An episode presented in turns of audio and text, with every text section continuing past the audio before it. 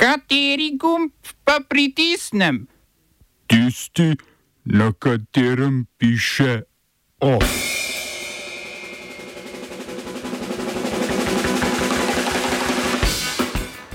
Trumpovega Johnsona izvolili za predsednika predstavniškega doma ameriškega kongresa. Robert Fico zaprisegel kot slovaški premijer in napovedal nasprotovanje novi vojaški pomoči Ukrajini ter novim sankcijam proti Rusiji. Parlament sprejel novelo zakona o delovnih razmerjih in novelo zakona o tujcih. Agencija za okolje zaradi napovedi jutrišnjega deževja z rdečim opozorilom za večino države.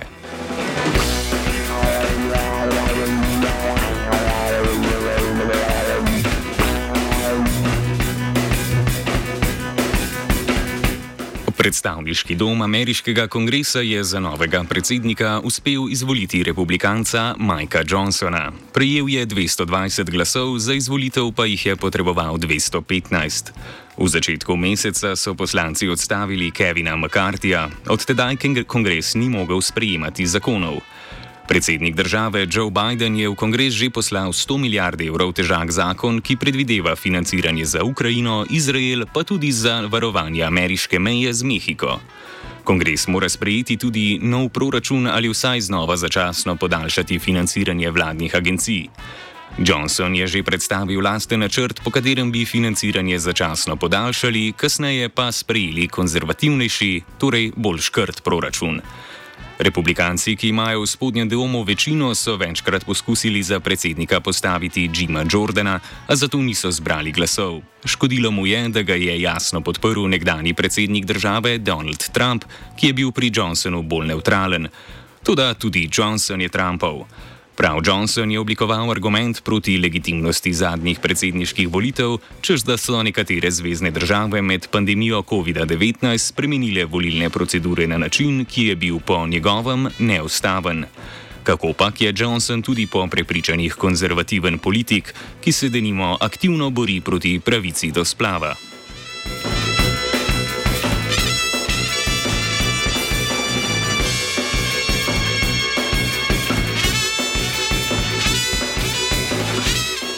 Ameriški sindikat delavcev avtomobilske industrije je po šesttedenski stavki dosegel začasni dogovor z upravo podjetja Ford. Potem, ko bo dogovor ratificirala še večina 16 tisoč stavkajočih delavcev pri Fordu, bo uprava delavcem nemudoma dvignila plače za 11 odstotkov. V roku štirih let pa skupno za 25 odstotkov. Najbolje plačani proizvodni delavci bodo tako na mesto 30 evrov prejemali nekaj manj kot 40 evrov urne mezde. Hkrati bo Ford omogočil pravico do stavke ob zapiranju posameznih tovarn.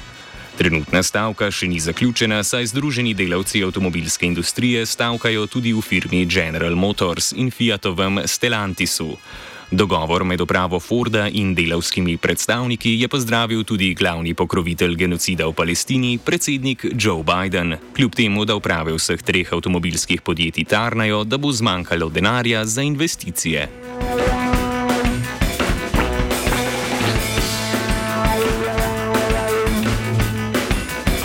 Zionistična okupatorska vojska je po noči s pomočjo tankov vstopila v okupirano Gazo in se nekaj ur kasneje vrnila v vojaška oporišča. Manjše operacije na palestinski strani ograje so izraelski vojaki sicer izvajali vse od začetka genocidne ofenzive pred skoraj tremi tedni, a tokrat so prvič uporabili tanke. Izraelski premijer Benjamin Netanjahu je predtem še že sporočil, da je vojska v zaključni fazi priprav na kopensko ofenzivo proti palestincem. Francoski predsednik Emmanuel Macron je napovedal, da bo francoska vojska v roku dveh dni na obalo okupirane Gaze poslala ladjo Tonnerre, namenjeno transportu helikopterjev, da bi s tem zagotovila varen uvoz humanitarne pomoči palestincem. Izraelska okupatorska vojska namreč na območje Gaze spušča le majhne količine humanitarne pomoči, ki je namenjena predvsem oskrbi ranjencev in bolnih ter pokopu umorjenih.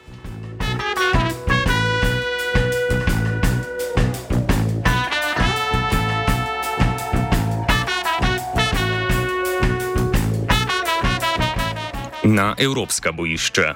Robert Fico je zaprisegel kot novi slovaški premijer in že napovedal, da Slovaška ne bo podprla dodatne vojaške pomoči Ukrajini in novih sankcij proti Rusiji. Svoje predvolilne obljube je ponovil, preden se je odpravil na dvodnevni vrh predstavnikov držav Evropske unije. Slovaška predstavnica, predsednica Zuzana Čaputova, je Fica, ki je premije postal četrtič in vlado imenovala, potem ko je njegova stranka Socialni demokrati Smer oblikovala koalicijo s stranko Socialni demokrati Glas in Slovaško nacionalno stranko. Čeprav sta največji stranki v vladi deklarativno socialdemokratski, notranje politično zagovarjata ideološko desničarske politike, kot je zapiranje države pred migranti. Ob, obe, obema strankama so po zmagi na slovaških volitvah v skupini evropskih socialistov in demokratov članstvo zamrznili.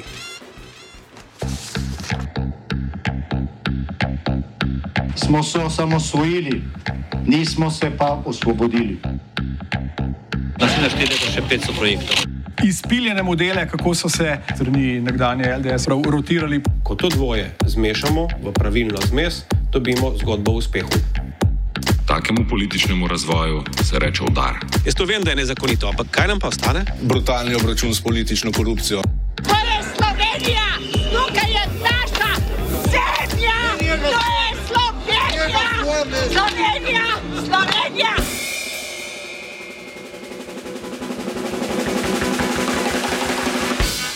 Državni zbor je po nujnem postopku sprejel novelo zakona o delovnih razmerjih in novelo zakona o tujcih.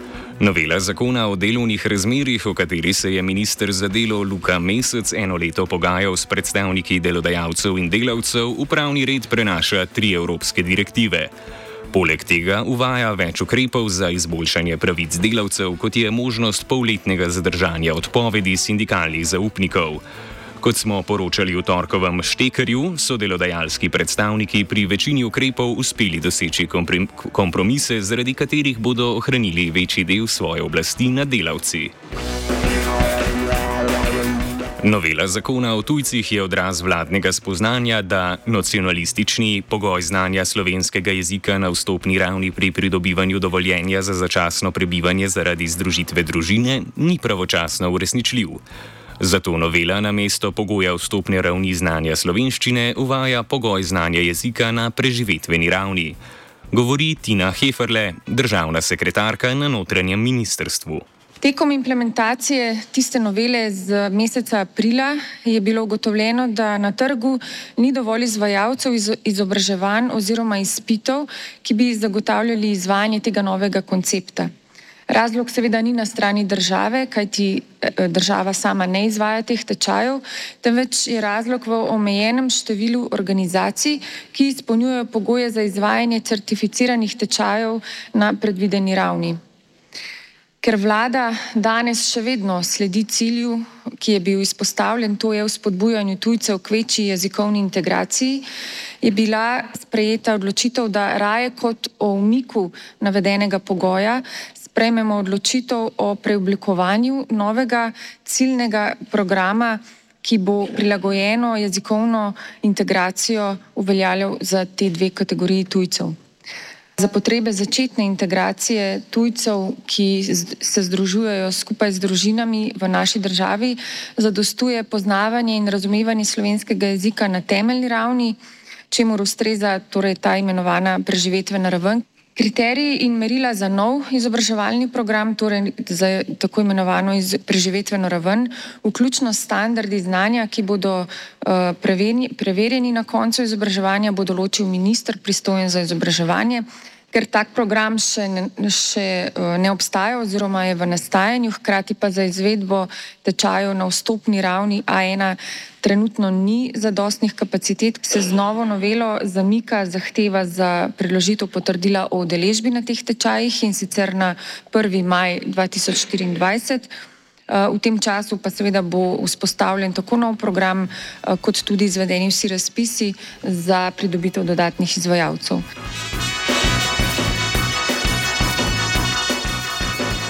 Za pridobitev dovoljenja za stalno prebivanje na pogoj opravljenega jezikovnega izpita na ravni A2 oziroma v mestni ravni ostaja. Na včerajšnji seji parlamentarnega odbora za notranje zadeve so koalicijske stranke sprejele tudi dopolnilo novele zakona o tujcih, ki rok za pridobitev pravice združevanja z družino skrajšuje z dveh na eno leto.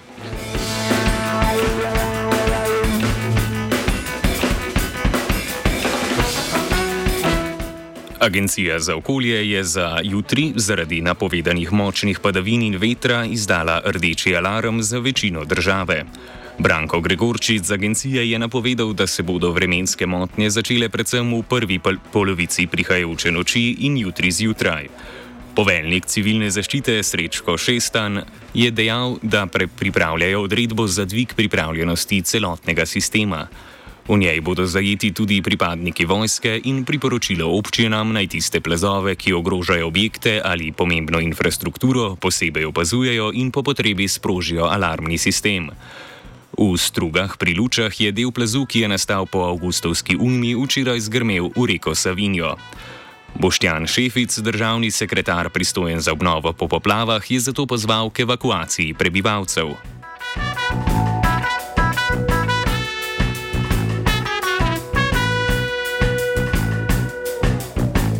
Vlada se je na obravnavi novele zakona o interventnih ukrepih za odpravo posledic poplav in zemeljskih plazov iz avgusta 2023 odločila za ukinitev solidarnostnega prispevka. Namesto tega bo uvedeno začasno zvišanje davkov na dohodek pravnih oseb, ki bo opredeljeno v zakonu o obnovi. Vlada po besedah finančnega ministra Klemna Boštjančiča predvideva, da se bo davek za pet let zvišal za tri odstotke, to pomeni z 19 na 22 odstotkov. Prostovoljna delovna sobota ostaja v zakonu. Na seji je vlada obravnavala tudi osnutek novega zakona o obnovi. Posegal bo v 21 obstoječih zakonov, ukrepi, ki jih predvideva, pa naj bi trajali pet let. Poleg zvišanja davkov na dohodek pravnih oseb, osnutek zakona predvideva krajši rok za izdajo gradbenih dovoljenj, kot prednostni cestno-infrastrukturni projekt določa tretjo razvojno os. Predvideva tudi dodatno sofinanciranje programov duševnega zdravja in uvedbo mobilnih enot centrov za socialno delo. Prebivalstvu bo vlada pomagala z jamstveno schemo, po kateri bo bankam dala 100-odstotno jamstvo pri posojilih tistim posameznikom, ki niso kreditno sposobni.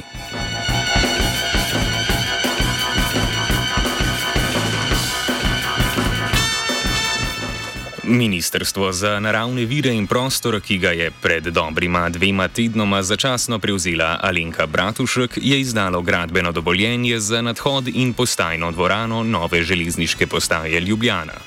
Nadhod bo povezoval Masarikovo in Vilharjevo cesto. Investitor pri gradni železniške postaje je Direkcija za infrastrukturo, organ v sestavi infrastrukturnega ministrstva, ki ga vodi Alenka Bratušek. Javno naročilo za izvedbo osrednjega dela postaje bodo objavili še letos. Dan potem, ko je od Uroša Brežana prevzela Ministrstvo za naravne vire in prostor, se je Bratušek udeležila predstavitve nove postaje, na kateri je ljubljanski župan Zoran Jankovič vrednost celotnega projekta ocenil na okrog milijardo evrov. Bratušek je napovedala zaključek večine del do konca leta 2025.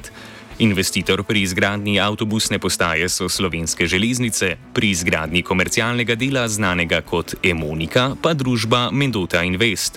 Zasebna družba, ki je del mađarske skupine OTP, lasnice bank SKB in NKBM, bo investirala v hotel, poslovne prostore in nakupovalno središče.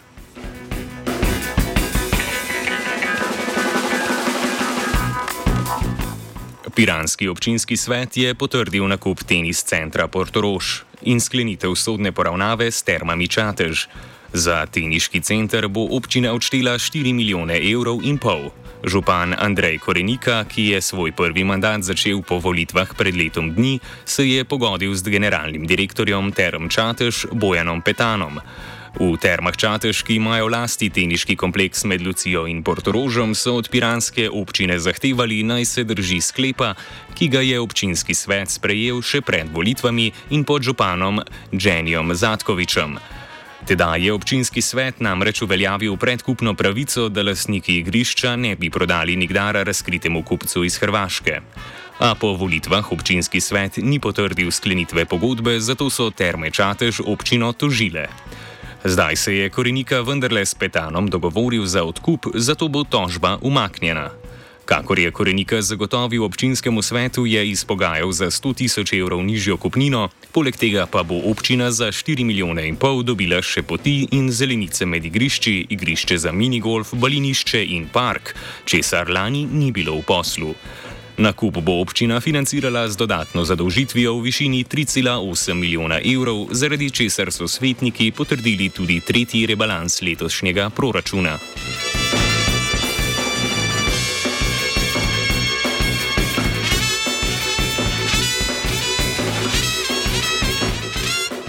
Nekdani jezuit in veliki umetnik Marko Rupnik je na mesto za rešetke bil sprejet v topli objem koperske škofije.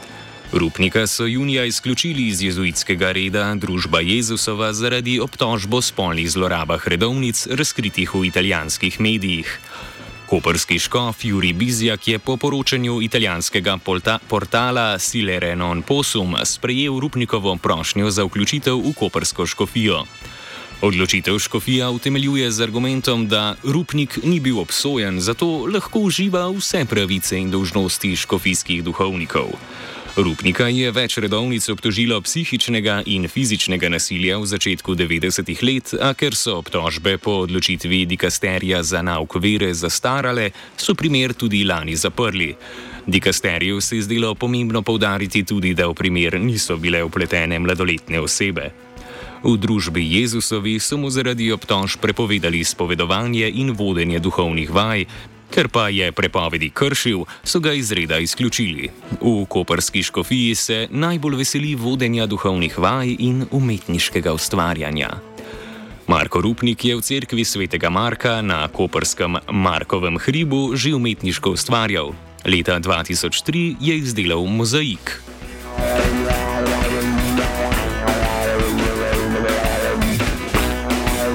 V imenu Piezale, Martina in Viranta, o.